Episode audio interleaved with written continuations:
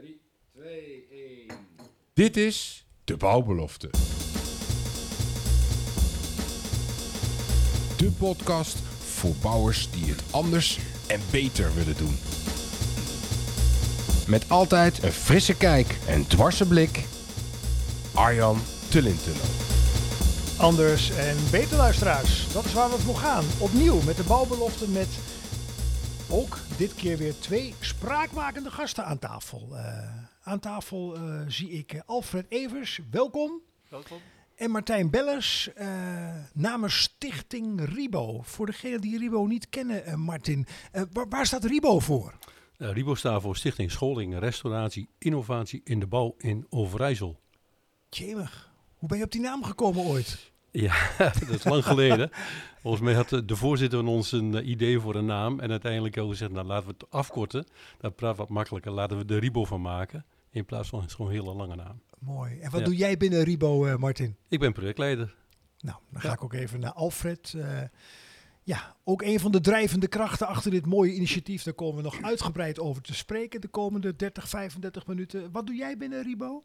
Ja, ik ben eh, eigenlijk samen met Martin de bedenker van, eh, van de opleiding Techniek Zoden Restauratie, waar we dan straks over hebben waarschijnlijk. En ik zit vijf dagen eh, in de week bij, ehm, bij de werkplaats van, van de Stichting Ribo. Een mooie locatie op landgoed Twikkel. En ehm, ik, mijn werkgever is het ROC van Twente. Kijk, want daar heb je ook duidelijk een link mee, hè? Ja, dat Ja. is een samenwerking. Nou, als je dan kijkt naar Ribo, ehm, omdat Ribo nog vrij onbekend is hè, bij het grote publiek. Jullie maken het mogelijk dat jongeren zich bekwamen in het restaureren van monumentale gebouwen.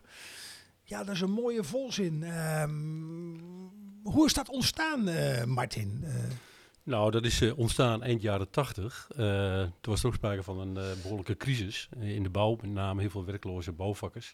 Die eigenlijk geen, geen werk meer kregen. En wat bleek toen, ook een beetje kijken naar allerlei terugploegprojecten. Hè, die toen van eigenlijk gingen lopen. Daar bleek eigenlijk dat heel veel mensen weer de katerbak terechtkwamen. Omdat daar geen goede opleiding aan was verbonden. Het, het bieden van werk en daar hield het mee op. Daar, daar hebben wij naar gekeken en we dachten van als we echt mensen uit die katerbak willen krijgen, eind jaren 80, dan zullen we daar niet alleen werk voor moeten bieden, maar ook een stuk opleiding aan moeten verbinden. Dat hebben wij gedaan eh, vanaf 88, 89. En later is de doelgroep eh, veranderd hè, naar mensen die kiezen voor een bouwopleiding, dus niet werkloos meer zijn. Maar dat was het begin. en, en hebben jullie toen eh, in den beginnen, Alfred, ging dat van een leien dakje of moest je echt in die tijdgeest, eh, ook, ook in het onderwijs, eh, bijvoorbeeld bij de ROC, mensen overtuigen dat dit gewoon dé manier is? Nou ja, eh, ik ben er wat later bij gekomen, en, maar wij hadden direct een klik. Dus het verhaal wat Martin net vertelde, dat was dus het begin. En op een gegeven moment is eigenlijk binnen de opleiding een eh, restauratie ja, eruit gegaan. En toen hebben wij via de achterdeur hebben wij met elkaar de opleiding Technische Hout en Restauratie ontwikkeld. En eh, ja, die, die is in vijf jaar tijd ehm, een experiment tot wat het nu is en staat als een huis. Dus eigenlijk eh, het is eigenlijk een hele filosofie. Het is niet een, eh, alleen maar een opleiding, het is eigenlijk een hele filosofie die erachter zit. Hoe wij het zien, hoe wij denken dat er in de toekomst opgeleid moet worden op ambachtelijk niveau, ehm, eh, met, met ons type leerlingen, met de hele constructie die daar eigenlijk achter zit. Ja, en, en wat bedoel je dan met, ehm, met ons type leerlingen? Vertel daar eens wat over. Nou ja, ehm, de leerlingen die komen over het algemeen van het VMBO. En eh, ja, eh, eigenlijk wil men toch wel graag mensen in de techniek hebben. Nou ja, de leerlingen die wij eh, in opleiding hebben, die, die bieden wij meer dan alleen maar wat de bedrijfstak zegt. En ik denk dat dat het bijzondere is, want daardoor trek je ook eigenlijk een ander type leerling alleen aan. Ehm, ja, ik heb natuurlijk zelf ook eh, kinderen. Ehm, het is niet meer dat de branche aan kan geven. Daar ben ik het zelf ook mee eens. Eh, ehm, ja, we hebben mensen nodig en eh, handjes nodig en noem maar op. En dit moet het dan worden. En over het algemeen wordt op die manier, eigenlijk, ja, wordt op die manier opleidingen eh, neergezet in Nederland. Op alle vlakken, op de volledige brede vlakken. En daar heb ik zelf altijd moeite mee gehad. En we hebben, eh, de financiële crisis kwam ons eigenlijk goed uit, hoe gek het ook klinkt. Ehm, want eh, toen werd er eigenlijk door het ministerie gezegd, ja, wie het weet mag het zeggen. Als iemand een goed idee heeft om opnieuw een uh, uh, opleidingen, zodat we jongeren toch aan het werk krijgen, te ontwikkelen. En dat is gelukt. En dat noemden ze een crossover opleiding. En toen hebben wij in een korte tijd 30 of 30, 40 bedrijven achter ons gekregen. Die zeiden van, van wij denken dat op deze manier uh, de, de toekomstige leerling, de leerling toekomst heeft. Nou, dat was heel snel. Uh, we moesten daar een, projectplan voor indienen bij het ministerie.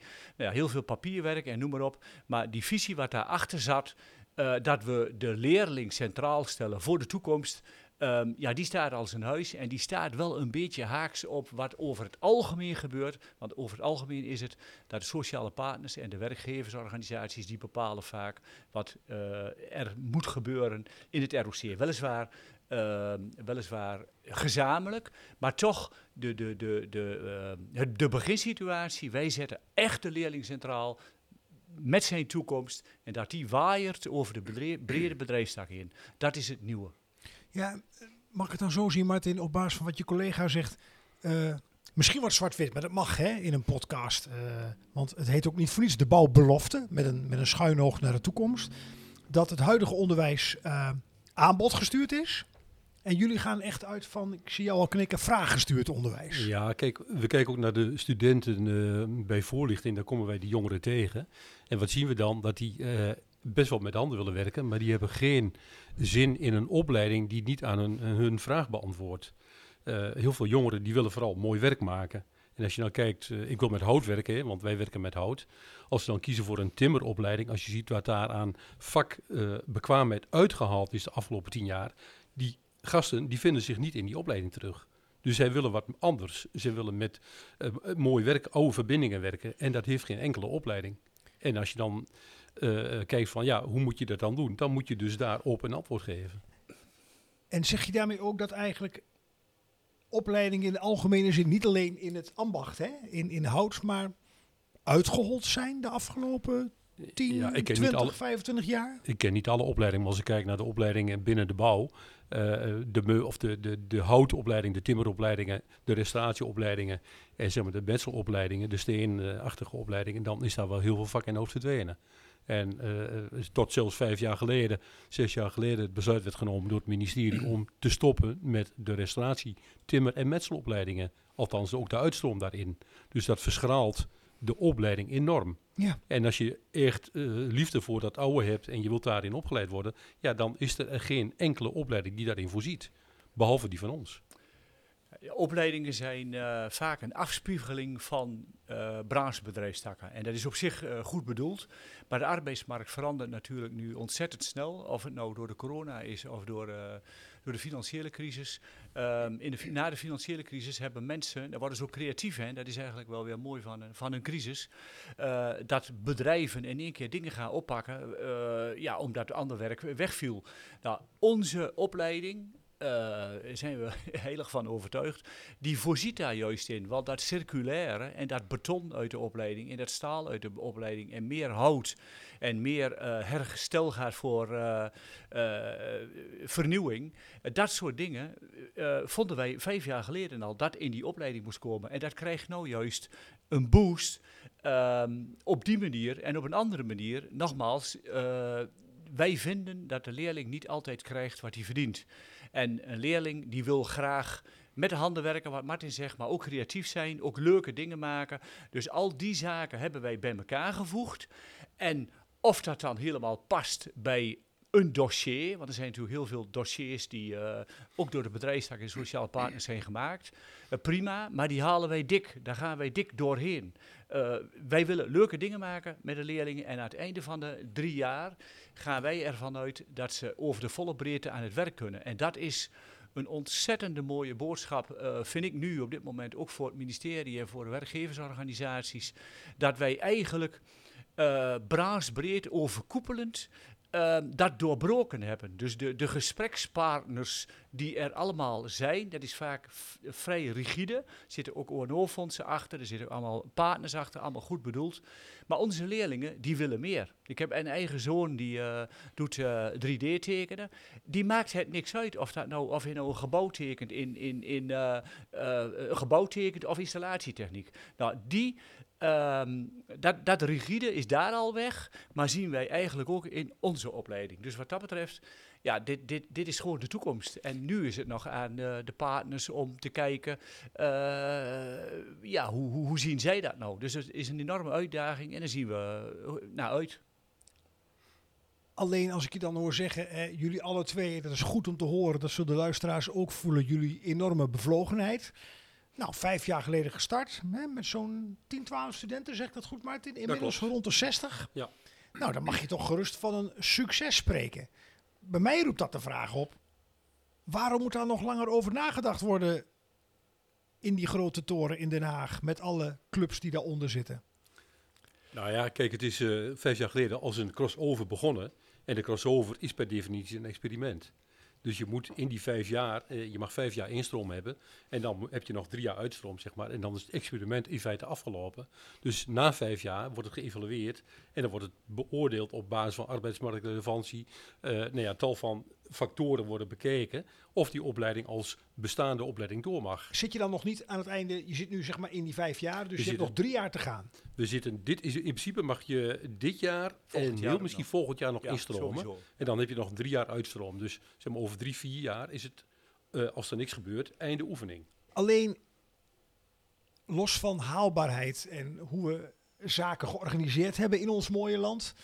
Maar bij mij bekruipt onmiddellijk het gevoel de hele wereld verandert in sneltreinvaart. Er is nu al bekend welke opleidingen als jongeren die nu volgen, eh, waarvan je eigenlijk zeker weet daar is geen werk meer in. Ja. Er worden nog steeds curricula, hè, even een onderwijsterm in vastgesteld. Dan denk je toch, jongens, kom op, is daar vijf jaar voor nodig en nog eens drie jaar? Want die wereld draait wel door. Ja. Ja. Zie Nou, ik denk ook, ik denk ook ehm, dat daar ook wel een, een verandering in moet komen. Hoe wij ehm, aan opleidingen, eh, hoe die neergezet moet worden. Dat, is, dat heb ik net uitgelegd hoe het allemaal zit. Maar ik denk dat veel meer ook, eh, ja, ik zal haast zeggen, de early adapter docenten of mensen die toch weten eh, wat uiteindelijk voor de bedrijfstak goed is, dat die met het ministerie aan de praat komen en dat die met de bedrijfstak aan de praat komen en zeggen van dit is goed voor de toekomst van de gehele bedrijfstak. En dat is wat anders dan rigide stromen die op dit moment het bepalen. Alleen Alfred, eh, als het oké is om er even op in te zoomen, hè, want we mogen ook eh, Ja. een droom hebben naar de toekomst. Je gebruikt mooie eh, woorden, early adapters docenten, Ja. die heb ik nog niet eerder gehoord. Ja. Die zijn er plenty in het land. Ja. Niet alleen in jullie onderwijsveld, maar in, in vele andere. Ja. Nou, als ik goed geïnformeerd ben in mijn voorbereiding, zijn de onderwijsvakbonden nog vakbonden die wel enige macht hebben, hè? eh, als je landelijk kijkt. Hoe kan het dan dat eh, alles nog bedacht wordt door mensen die, mag ik het zo zeggen, hè? want we vertegenwoordigen hier de bouwclub met de bouwbelofte, die niet met de, ik wou zeggen poten, maar met de voeten in de klei staan. Ja. Ik denk ook dat eh, de kranten staan daar natuurlijk vol van. Of het nou het PO is, of het VO, of het MBO. Eh, iedereen vindt dat eh, de docent en, en de mensen in de praktijk... dat die het eigenlijk voor het zeggen moeten hebben... over wat er, gegeven moet worden in opleiding. Maar ja, de situatie is zo. En, en, en onder, OCMW probeert daar nu ook wel stappen in te maken... maar iedereen moet daarin meegaan. Ehm, eh, dat de, de docent niet meer het sluitstuk is van een heel proces daarvoor aan af. Dat het moet beginnen bij de docent en die met de, ehm, eh, de leerling eh, ja, zijn ding kan doen. En dat hij dan in alle vrijheid zijn vakmanschap kan tonen. En dat je dan eigenlijk na een jaar gewoon moet zeggen tegen de bedrijfstak, met een soort communities of zo, van vinden jullie dit goed wat wij doen? Onze bedrijven zijn ontzettend tevreden met wat wij doen. Maar dat is, dat is een ander eh, terreinspoor dan dat je de zaak met rigide eh, kwalificatiedossiers moet gaan nakijken. Want dan moet je allemaal precies volgens de letter der. Dus dat zijn eh, ja, een boodschap voor mij, verbeteringen dat wij daar anders naar gaan kijken. Ik denk dat dat wat, wat, wat praktischer, wat meer met mensen die inderdaad met de poort in de klei zitten en dat die bevraagd worden. Wat zou goed zijn voor de bedrijfstak en laten we die vrijheid geven. En dat ze na een jaar of twee jaar gewoon geëvalueerd worden van en waar zijn dit soort leerlingen nou terechtgekomen? En dan gaan we de goede kant op. Dat brengt mij op. eh, ik zie Martin lachen. Ja, u ziet het dan niet, luisteraars, maar het is wel mooi. En eh, opnieuw, de, de, de betrokkenheid die spat er vanaf. Dat is goed om te ervaren, ook voor mij als host van de podcast. Eh, Martin, dan, dan even actueel. Hè? Eh, in Den Haag gebeurt van alles op dit moment. En dan hebben we wat we noemen in ons land de lobby. En er zal vast en zeker ook een onderwijslobby zijn. En die probeert dan uiteindelijk dingen op de kaart te krijgen. Voor zover je dat kunt overzien, Martin, en vul elkaar gewoon aan. Hebben jullie het idee dat die onderwijslobby eh, goed gevoerd wordt? Eh, nou, door ons denk ik niet. dat, eh, daar lopen wij regelmatig tegenaan. We zijn natuurlijk een hele kleine organisatie. Maken wel deel uit van een, een landelijk netwerk met collega's. Maar Nou. doet die het dan goed? Of is dat het zoveelste... Ja, ik probeer de vinger op de zere plek Ja. te krijgen. Is dat het zoveelste praatclubje... wat Nou, vind- geweldige beleidsdocumenten formuleert... met, met mooie visuals en daar schot er allemaal niet aan. Maar wat komt daar nu van groot?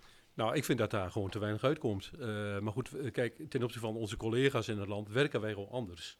We, we hebben een andere visie. We hebben natuurlijk een hele goede samenwerking met een ROC, in dit geval het ROC van Twente. Een vooruitstrevende ook in Nederland? Ja, dat hebben andere regio's niet, helaas. We hebben zelf een fysieke locatie om dat wat we willen ook ten uitvoer te brengen. En bij de ander blijft dat vaak eh, beperkt tot, praten en regelen en coördineren. En als je dan ziet dat vijf jaar geleden opleidingen verdwijnen, dan hebben die andere regio's daar geen antwoord op gehad.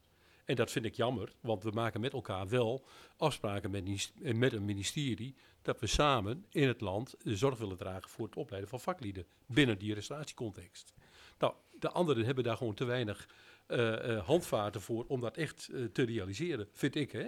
Ja. En, en wij hebben dan eh, nou ja, het geluk dat we in een samenwerking tot dingen kunnen komen die anderen niet eh, voor mogelijk houden.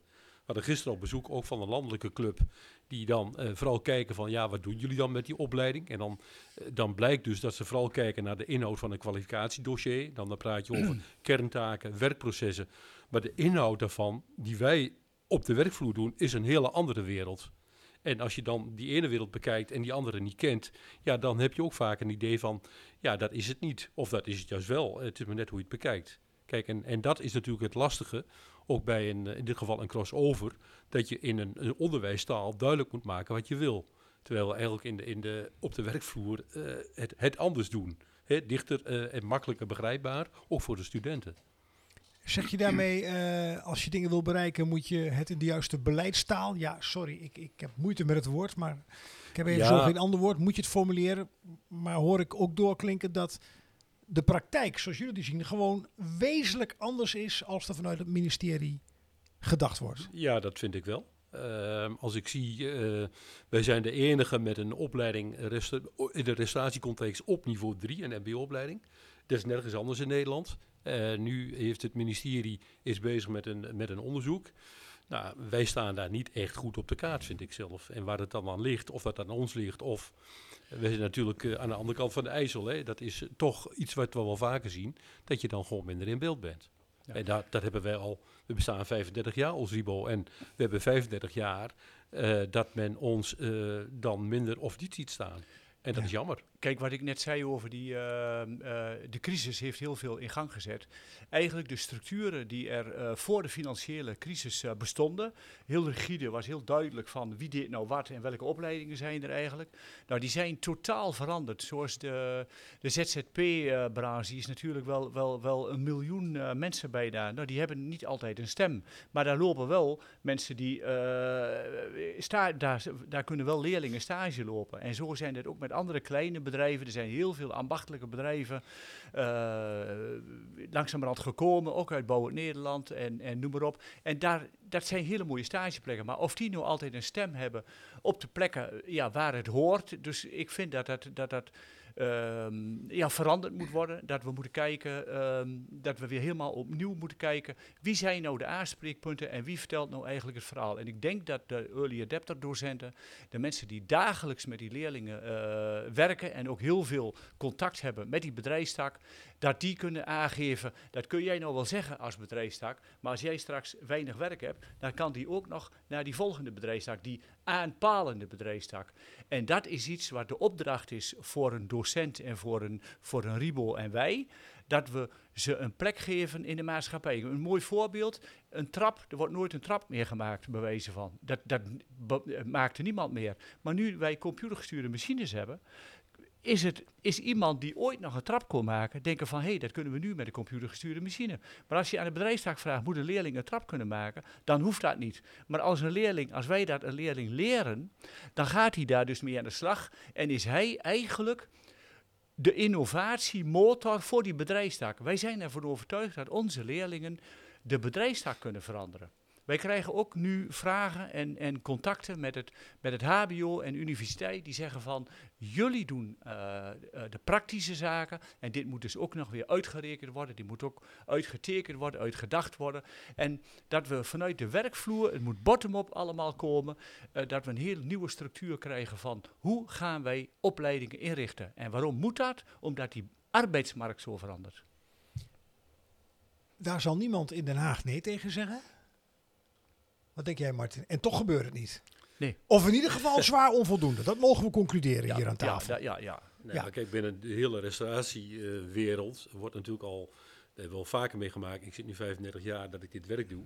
En dan, als ik dan terugkijk, dan, dan zijn er elke vijf, zes jaar wel rapporten en onderzoeken. En dan komt uit hoe het moet. En dan uh, is het boekje klaar, zeg maar even. En dan is het werk gedaan, denkt men. Want dan begint het pas. En de, dan gebeurt het weer niet. De papieren werkelijkheid. Ja, de, juist. En Zoals dan, die ook door. Ja, ja. En, dan, en dat duurt weer vijf jaar voor het volgende is. En daar loop je natuurlijk wel elke keer tegenaan. En ik denk ook dat op een gegeven moment dan ook natuurlijk de, degene die aan tafel zit, uh, dat zijn niet altijd wij. Hè, er zijn meestal uh, andere mensen die het op een andere manier bekijken. En niet uh, zeg maar met die poort in de klei staan. Ja. Stel dat uh, jullie tweeën een uur spreektijd zouden krijgen bij de minister en staatssecretaris van Onderwijs, de nieuwe, in een nieuw kabinet. Een uur heb je. Wat zou je dan uh, echt over de bühne willen trekken? Nou, dat je heel goed moet luisteren naar wat de studenten willen en wat die willen bereiken. En hoe je ze daarmee verder kunt helpen. Dat vind ik wel een hele belangrijke, want uh, wat ik in het begin ook zei, heel veel opleidingen beantwoorden gewoon niet aan de vraag van studenten. Wat wil je graag doen met je leven? Je moet natuurlijk uh, je leven zelf inrichten. Je moet jezelf ja, in stand kunnen houden. Er wordt altijd over gesproken. Je hebt daar allerlei bagage voor nodig. Algemeen, maar natuurlijk ook heel wat vakvaardigheden. En daar moet je wel een plek voor hebben dat dat gewoon tot uiting kan komen. Een stukje ontwikkeling van jezelf en het doorontwikkelen is natuurlijk, die kansen, men praat erover, maar die kansen moet je wel bieden. Ja, en wat, en wat natuurlijk ook speelt, uh, we hebben met belastinggeld te maken. Hè? Ik bedoel, uh, er worden heel veel miljarden in het onderwijs uh, gestopt. En uh, wat ik de laatste 10, 20 jaar heb gezien is, er is een probleem en dan gaan we een pleister plakken. Dan gaan we, oh achterstanden, oh dan dat, dan dat. Allemaal goed bedoeld. Alleen het probleem is dat eigenlijk de docent, uh, waar vroeger, onlangs heeft dat in Buitenhof, heeft dat Dijsselbloem nog gezegd, de docent was vroeger iemand met status. Daar ging het om en iedereen kan hoog en laag springen, maar die wist hoe het zat. Maar die had natuurlijk ook een achtergrond, dus die wist ook waar het naartoe moest. Nou, als dat de beginsituatie wordt, dan zul je zien dat er heel veel plak- en knipwerk, waar nu allemaal projecten voor ingezet uh, worden, dat dat op een veel efficiëntere manier uh, opgepakt worden. Dus er zit best wel een, een, een, visie achter die wij ook hebben. We zijn maar met een hele kleine club en we hebben toch heel veel voor elkaar gebokst, omdat we heel goed luisteren naar de leerling. We weten hoe de bedrijfstak in elkaar zit en we kunnen ook nog een slag maken met dat wij denken en in de toekomst kan de hele bedrijfstak daarvan profiteren. Dus die docent, ik zeg niet dat ik daar ben, maar de, zo, samen met mensen uit de praktijk, als die een veel grotere plek krijgen uh, uh, in, in, het, in, in de beleidsvorming, want dat zal in de toekomst ook weer door de minister uh, neergezet worden van waar moeten wij nou wat op richten. Uh, ja, dat zou heel erg fijn zijn dat wij daar uh, de minister uh, adviezen over kunnen geven. Nou, dan zou ik zeggen, eh dien een verzoek in tot een afspraak. Wat vinden jullie van de gedachte? Ja, nou goed, we hebben de minister eerder op bezoek gehad en eh, we hadden daar ook wat meer van verwacht naar de hand. Ehm, ja, ik weet niet of er heel veel uit zou komen, eerlijk gezegd. Ja, Ik denk dat op een gegeven moment beleidsmakers, eh, waar we wel contacten mee hebben, eh, nu ook binnen OCW, dat die ook gewoon goed moeten luisteren, want die moeten uiteindelijk de minister ook adviseren in deze. Zo werkt het ook, dat snappen we. Nou, we gaan zo over naar een ander thema, maar even wat andere vragen tussendoor. Ik begin met jou, eh, Martin. Wat heeft je voorkeur, droge worst of kaas? Droge worst. Ja? Ja. Of beide? Nee, droge worst wel. Ja. En jij, Alfred, de fiets of de auto? De auto. Ik, ik zag enige twijfel. eh, en Ja, je- natuurlijk. Ik heb ook een elektrische fiets. En, eh, maar op dit moment, eh, kijk, wij, wij moeten ook een voorbeeld geven wat wij, wat wij doen. Hè, wie wij zijn, waar, waar, eh, waar wij voor staan. Alleen, het is me nog iets te ver om met, naar Hengelo naar, met de fiets te gaan. omdat ik heel veel rommel altijd mee moet nemen. Maar anders dan, dan probeer ik vanwege die duurzaamheidsgedachte, wat wij voor willen staan, moet, moet, dat, moet dat die kant op. Dan nog één vraag en ook één voor jou, Martin. Carrière of gezin? Poh, ehm, mijn vrouw zal zeggen carrière en, en ik zeg gezin. En, Wie heeft en, dan een blinde vlek van jullie twee? eh, ik denk ik. maar Mooi. ja. ja. En Martin, jij, ehm, ingenieus of creatief? Eh, hoe dat is een lastige. Ehm, ik denk ook wel creatief. Ja, toch wel. En waar, waar, waar uit dat zich in, zoal? Nou, ik denk dat het vooral, we- ja, we komen natuurlijk heel vaak voor eh, problemen te staan en het echt, het oplossingsgericht denken. Ik denk dat dat wel een van mijn eh, sterke kanten is. Ja. Te Ja. denken in oplossingen, niet in, in problemen. Ja, Ja. is het dan ingenieus of creatief? Ja, ik denk creatief. Ja. Oké, oké. Jullie hebben ook even een ander thema, ander punt. Jullie hebben nieuwbouwplannen. Hè? In oktober, eh, ik meen de 14e, Martin? Eh, Ja, 14 oktober eh, start tenminste in de planning, komt de gedeputeerde van de provincie. Roy Van de provincie Overijssel. Voor de mensen die Ja. uit andere delen van het land komen. Afdeling cultuur is een portefeuille. Die komt de officiële aftrap doen voor onze uitbreiding van ons praktijkcentrum. En, en, en, en stel, over een jaar zitten we weer aan tafel. Dat zou aardig zijn. wat, is dan die nieuwbouw klaar? Dat hopen we wel, ja. We gaan er vanuit eh, nog eind dit jaar echt te kunnen beginnen. Heeft even te maken met eh, omgevingsvergunningen en dat soort eh, planologische procedures. Maar ondertussen, we zijn eigenlijk al begonnen. We hebben net vorige week eh 20.000 pannen ingekocht, gebruikte pannen. Die worden volgende week al geleverd. Dus we zijn eigenlijk al een beetje vooruitlopend op de bouw zijn wij begonnen. Door heel goed te kijken van hoe kunnen we de bouw ook zo circulair en duurzaam mogelijk doen. In de zin van eh, gebruik te maken van hergebruikte materialen. Voor de mensen die net niet in de details zitten, is dan circulariteit hetzelfde als remontabel bouwen? Of zit daar een verschil in? En zo ja, welk verschil? Eh, ik denk dat eh, remontabel een iets ander begrip is. Remontabel bouwen kun je ook doen door een bepaalde bouwwijze te hanteren. En circulair, dat is ook het gebruik maken van gebruikte materialen. Kan en en. Kijk, daarin- remontabel betekent dat je over zeg maar 50 jaar het gebouw weer op een vrij simpele manier kunt demonteren, zodat die ook de materialen weer kunnen worden hergebruikt. Ja. En we maken daar een keuze in om eh, eh, te werken met een houtconstructie die eh, met pen- en gatverbindingen in elkaar zit. Dus die kun je uit elkaar halen, in plaats van een oplossing waar alle spijker vast zit en met lijm. Dus dat is nu nadenken in dat ontwerp of wat je over 50 jaar zou kunnen doen om het dan circulair te kunnen gebruiken. Je, je sneed al even een paar punten aan. Ehm, die nieuwbouw. Begrijp ik het goed dat, dat juist wat je wil uitdragen hè, als, als Ribo, dat wil je eh, heel duidelijk laten zien ook in de nieuwbouw Ja. met als voorbeeld die pen- en gatverbindingen. Absoluut. Ja. Wij willen, wij willen, eh, we hebben heel vaak, dat is ook wel het mooie, eh, samen doen wij naast ons werk, doen we dit nog een beetje bij. Eh, we hebben met elkaar uitgedacht eh, hoe het gebouw moet worden. Er is een architect eh, bijgekomen die de buitenkant bepaalt. En wij hebben daar een lijn in zitten. Dit willen we van houten, dat moet circulair en hebben we natuurlijk ook hulp bij. Maar ehm, als wij dit door een architect alleen hadden laten doen, dan kom je toch gewoon van, ehm, ja, wat is normaal, wat pakken wij dan vaak, wat doet een aannemer? En dan gaat er toch een lijn in weer van beton of kunststof en noem maar op. Wij willen absoluut uitstralen wie wij zijn. Omdat we dat ook altijd zeggen. En dan moet je ook eh, een beetje eh, tijdens de verbouwing eens de winkel lopen. Dus daar testen van hout.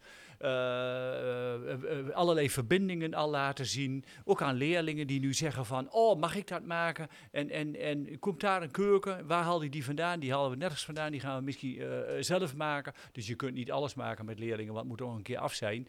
Maar er moet straks iets staan waarvan iedereen zegt, jongen, eh, dat klost weer. Dat heeft weer de geur en, en het idee van de jaren twintig eh, in een school waar je gewoon heel fijn in een werkplaats eh, mag werken. Dus niet een clean gebouw, maar het is allemaal hout. Je kijkt ook niet tegen een, een, een, een, systeemplafond aan, maar we kijken weer gewoon tegen balklagen aan. En wellicht worden dat balklagen die eh, circulair zijn en wellicht worden dat balklagen die met, nou, dus ook weer helemaal verschillend. Circulair is eigenlijk oud en, en noem maar op. Of eh, nieuwe balken die we eigenlijk met de CNC-machine op een hele traditionele manier, maar wel weer nieuw, eh, neerzetten. Dus dat de, het publiek en de mensen die daar komen zeggen, dus op deze manier kunnen we ook bouwen. Ja, wij hebben absoluut de ambitie dat wat daar komt te staan, dat dat een, een, een, een idee kan zijn, eh, ook weer voor toekomstig bouwen.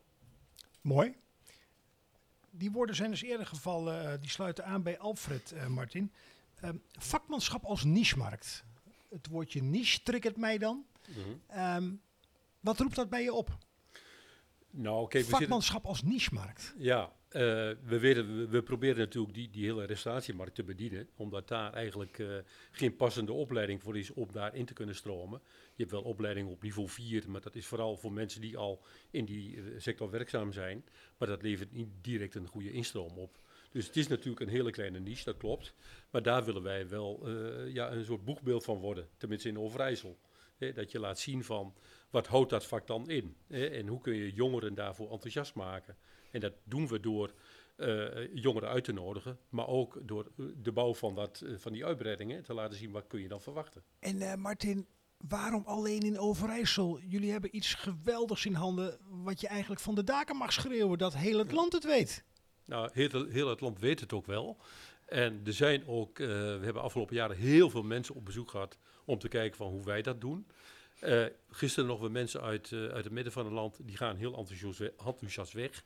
Alleen van hoe pak je dat dan in die regio op? Daar heb je een aantal karttrekkers nodig. Je hebt daar een, een draagvlak nodig.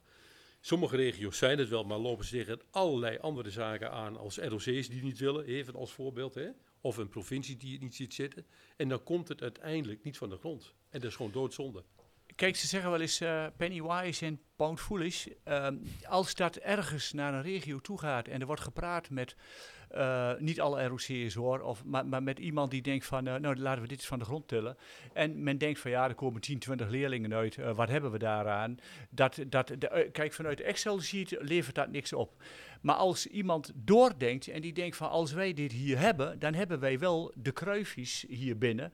En dat is voor de professionalisering van de docenten ook weer goed, wat soms heel vaak een apart project is. Maar je kunt ook zeggen, als dit de bovenkant is van, eh, van het vak, dan trek je dus ook meiden aan, dan trek je totaal andere eh, leerlingen aan. We hebben eh, een leerling eh, binnen die HAVO-diploma, we hebben leer of HAVO 4, we hebben leerlingen binnen die hebben HBO ehm, theologie gedaan en die komen nu bij ons. Dus die, omdat je het weet, dan zeggen ze van jongens, maar als je nou deze opleiding kunt doen, kun je ook die kant op. Als wij voorlichting geven in het VMBO, dan doen we dat ook wel eens voor Bouwen Nederland. Hebben we dat onlangs nog gezegd van ja, hoe is dat dan? Het is maar een kleine markt. Ik zeg maar, wij doen ook heel veel voor jullie, wat jullie niet helemaal, helemaal niet ziet. Want dat is, zit eigenlijk onder, onder het water eh, gebeurd dat. Want wij vertellen een verhaal aan die VMBO-leerlingen. Dan zijn er twee die dit willen. Maar de rest denkt wel van, hé, hey, maar dat is eigenlijk eh, nog niet zo gek, die hele bouw. Dan komen ze niet bij ons, dan gaan ze daar naartoe. Maar, eh, maar in hun achterhoofd denken ze wel, als ik nou ook nog eens in die restauratie en ook nog eens in die ICT en ook nog eens in die CNC-machine en ook nog eens in dat remontabele bouwen en dat met hout en mooie dingen maken, dan laat je zien wat je doet. Dat is met geen PowerPoint-presentatie of met geen eh, eh, dingen te, te kopiëren. Dus die niche-markt, men moet niet naar getallen kijken, men moet naar de impact kijken. En op die manier eh, eh, ga je ook een bedrijfstak eh, veel meer eh, promoten dan dat je zegt, de bouw is, ook met alle respect, geld verdienen, helm op en eh eindrijden en, en, en koud werk. Dat is het helemaal niet. En in de restauratie is het dat soms wel, maar er, er is niet meer high-tech als wat wij eigenlijk aan het doen zijn. Is dan ook een van de uitdagingen, en de vraag stellen is een beantwoorden, realiseer ik me. Hoe komen we van getallen naar impact? Ja, hoe komen we van getallen? Wees eens iets duidelijker. Hoe krijgen we die Nou, getallen? je zei het al, eh, Excel-sheets. hè? Ja. Eh, Nou ja, er wordt wel eens door het EIB, dat, dat, ik heb wel eens gezien dat EIB, Economisch Instituut voor Nijverheid, die heeft dus onderzoek gedaan en dan bleek dat er 100 restauratiemedewerkers opgeleid moeten worden. Ja, dat, dat, welke bedrijven, wie wordt dan gevraagd? Wij hebben er alleen al 60 in, in het Overijssel en die hebben allemaal werk. Snap je? Dus eh, die onderzoeken, en daar kan natuurlijk iemand, snap ik wel, een boekhouder bij een school die zegt van ja joh, maar we hebben er eigenlijk maar heel weinig nodig, want het EIB-rapport zegt dat. En dat is dan van een aantal jaren geleden, hè, kan nu wel eh, eh, veranderd zijn, maar ehm, we moeten gewoon veel meer de doorwerking zien. Als we toch nu al weten dat over tien jaar alle kerken eh, eh, ja, eigenlijk leeg zijn, niet meer, niet meer eh, bezocht worden. Daar moet wat meer gebeuren. Het is toch een maatschappelijke taak dat wij dat op een hele keurige manier, dat laten we toch niet aan toeval over, wat daar ook maar mee gaat gebeuren. Dus op vijf plekken in Nederland, daar vechten wij voor, moet dit concept, een depot, goede docenten, een werkplaats, de filosofie, dat hoort allemaal bij elkaar. En dat is niet dat een beetje daar en een beetje daar en een beetje daar en een beetje eh, eh, daar bij, bij, bij een werkplaats in. Dat is, dan kom ik terug op waar ik het net over had. De cohesie van het hele verhaal is dan weg. Dan, dan eh, wij pakken jongeren van de onderkant, die willen heel graag in de praktijk werken. En daardoor doen ze de theorie ook breder. En we pakken jongeren van de bovenkant, omdat die heel graag in één keer met de handen willen werken. En die hebben een theoretische opleiding gedaan. En dat komt allemaal bij elkaar, omdat ze allemaal hart hebben voor hetzelfde verhaal. En, en dat lampje, dat, dat, dat vuurtje, dat moet ook branden eigenlijk elders in het land. En dat hebben wij gisteren ook gevraagd aan waar we het eh, net over hadden. Van mocht het nou eens zo zijn dat we het voor elkaar kregen, dat we op vijf plekken in Nederland de filosofie die wij hebben, zou dat werken? Dan zeggen ze ja, maar ze bedoelen ook van, maar die stap er naartoe, dat is zo'n gigantische stap om, om, om dat voor elkaar te krijgen. Ik zeg nee, als het te zij, als het te was, zou dit leerlingen aantrekken in onze techniek, want dat willen we toch zo graag. Nou, en met deze boodschap denk ik ook dat we naar RCE en naar OCMW heen moeten en zeggen van, en wat We is hebben daar RCE? vertrouwen. dat is de Rijksdienst eh, van het Cultureel Erfgoed. En OCMW, die, die, die daar natuurlijk ook eh, ja, een warm hart voor heeft van, ja, wat gaat er allemaal met die kerken gebeuren? Wat gaat met onze monumenten gebeuren? Maar het is nu allemaal, eh, iedereen doet wat, met alle goede bedoelingen. Maar ik denk dat wij de enige zijn die echt de uitvoerende leerlingen op het gebied van timmer, meubel en dingen eh, goed neerzetten en, en goed opleiden. Helder. Ik heb een hele andere vraag voor je, want voor de luisteraars, er liggen tien kaarten voor me en je mag een getal kiezen. Dan ga ik de vraag aan je stellen, Alfred. En zometeen ook één voor jou, Martin. Nou, eh, vier. Ik ga hem omdraaien. Ja, dat is wel een inkoper volgens mij. Wat maakt jou blij in het leven, Alfred? Eh, mij, blij, mij, mij maakt blij ehm, alles waar een motor onder zit van intrinsieke motivatie. Zo. Alles, alles wat, wat, wat, wat leuk is, waar ik vrijheid in heb, waar ik mensen in kan helpen om, om dat ze uiteindelijk vakman worden, ehm, eh, dat maakt mij blij. Alles waar een, ja, ik laat hem even binnenkomen. Alles waar een motor zit, onder zit voor intrinsieke motivatie. Ja, en dat is wat anders als alles waar een motor eh, onder zit, van waar kan ik een hoop geld verdienen? Want daar word je ongelukkig van. Dat is een mooie toevoeging. Martin, Oké. ja, ik zie Martin lachen. Niet meer durven. Eh, nummer 8. Nummer 8. nou, dan gaan we eens kijken. Nummer 8. Ja. Ik heb heel wat vragen gesteld. Alleen, welke vraag heb je mogelijk gemist? Anders gezegd, welke vraag zouden mensen eigenlijk eens aan jou moeten stellen? En dat mag je enten op werk of privé. Ja, dat vind ik een lastige. Dat snap ik. Eh, Privé doe je nog wel leuke dingen. ja, nou ja, goed, waar word ik blij van? Misschien eh, ook zo'n vraag. eh, ja. Ik vind het wel heel persoonlijk of je dat vanuit je werk bekijkt of privé. Nou, doe eens een gooi naar werk. Je mag er even over Nou, denken. werk, als ik blij word van mijn werk, dan, eh, dan eh, dat we eigenlijk eh, stappen zetten. Zonder elke keer tegen zaken aan te lopen die je dan toch moet realiseren. En op een gegeven moment, ja, dan word je blij dat je de dingen geklaard hebt en dat je voor de, verder kunt naar het volgende. Ja. ja. Een stukje voldoening, hè? Dat je je werk, je hebt dagen dat je, dat je gewoon knetterdruk bent en dan kijk je het eind van de dag bij je thuis, bij je bek af en denk, wat heb ik in godsnaam gedaan? Ja, daar word ik niet blij van. Ik denk dat veel mensen, veel luisteraars dat ook herkennen Ja, eh, ja. vanuit eh, hun eigen werk. Hè? Ja. Dan eh, richting een afronding, want de tijd die vliegt. En ook op deze thema's kunnen we gerust nog een uur vullen. Ehm, de bedrijfstak als geheel, Martin. Ehm, wat is jouw kijk daarop? Jullie willen, dat is overduidelijk, hè, vanuit bevlogenheid en, en een mooie motivatie om die jongeren echt centraal te zetten in, in hun opleidingskeuze. Maar is de bedrijfstak er eigenlijk wel aan toe? Ja, wat zie je dan als bedrijfstak? Kijk, we zitten natuurlijk met onze opleiding op verschillende sectoren die eh, onze studenten eh, heel goed kunnen gebruiken. Ehm, ik denk wel dat die bedrijfstak, hè, als ik dan even kijk naar de bedrijven waar wij dan mee werken, want dat is niet een aparte bedrijfstak, dat die dus wel heel erg tevreden zijn over de studenten die wij afleveren en wat, wat die kunnen. Ik krijg heel vaak, en dat heb ik al, al 30 jaar, eh, dan word ik gebeld van heb je nog een paar goede jongens? In plaats van dat ze de opleidingsbedrijven bellen waar wij toen de studenten vandaan hadden. Omdat ze dan, als ze bij ons komen, het toch een, een ander type vakman is dan ze eigenlijk verwachten dat het uit de andere kant komt. Ik snap hem. Een vraag aan jou, Alfred. Ehm, we horen het vaker. Hout wordt steeds belangrijker als, als, als grondstof, hè, als bouwstof. Ehm, stel, we kijken nu terug, eh, we kijken vooruit. Sorry, zo wil ik het vragen. Eh, tien jaar, wordt er dan meer in hout gebouwd? Zowel woningbouw als utiliteitsbouw. Nou, ik denk het wel in de zin van, kijk, we hebben maar één aarde. Hè, en er wordt natuurlijk heel vaak gezegd van eh, alles wat, wat, wat eh, stenen en noem maar op, dat is allemaal toch eh, wat we uit de grond halen. En, en het enige eh, bouwstof wat groeit en, en ja, als dat op een goede manier herplant wordt en zo, waar ook wel, wel eens weer tegenaan geduwd wordt. Maar als dat op een goede manier gaat, dan is dat houtbouw, die heeft dus de toekomst. En ehm, het voordeel van houtbouw is dat je het ook heel goed weer eh, uit elkaar kunt halen. En, en op een andere plek. En misschien als het ook uitgebreid moet worden, van, dat mensen weer, eh, weer wat langer willen wonen ergens. Kijk, steen is heel veel slopen en heel veel ehm, eh, eh, nou ja, eh, machinaal en zwaar en noem maar op. Dus, dus ik, ik geloof wel eh, dat hout eh, de toekomst heeft. Maar Nederland is een rivierenland en wij hebben al decennia lang de grondstoffen uit de rivieren gehaald.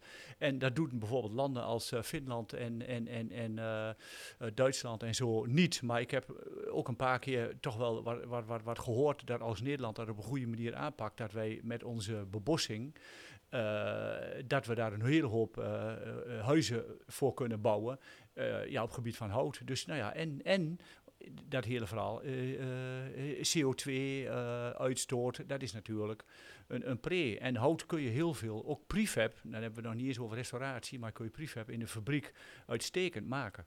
Mooi, mooi. Een warm pleidooi hoor ik wel doorklinken voor eh, herwaardering van hout.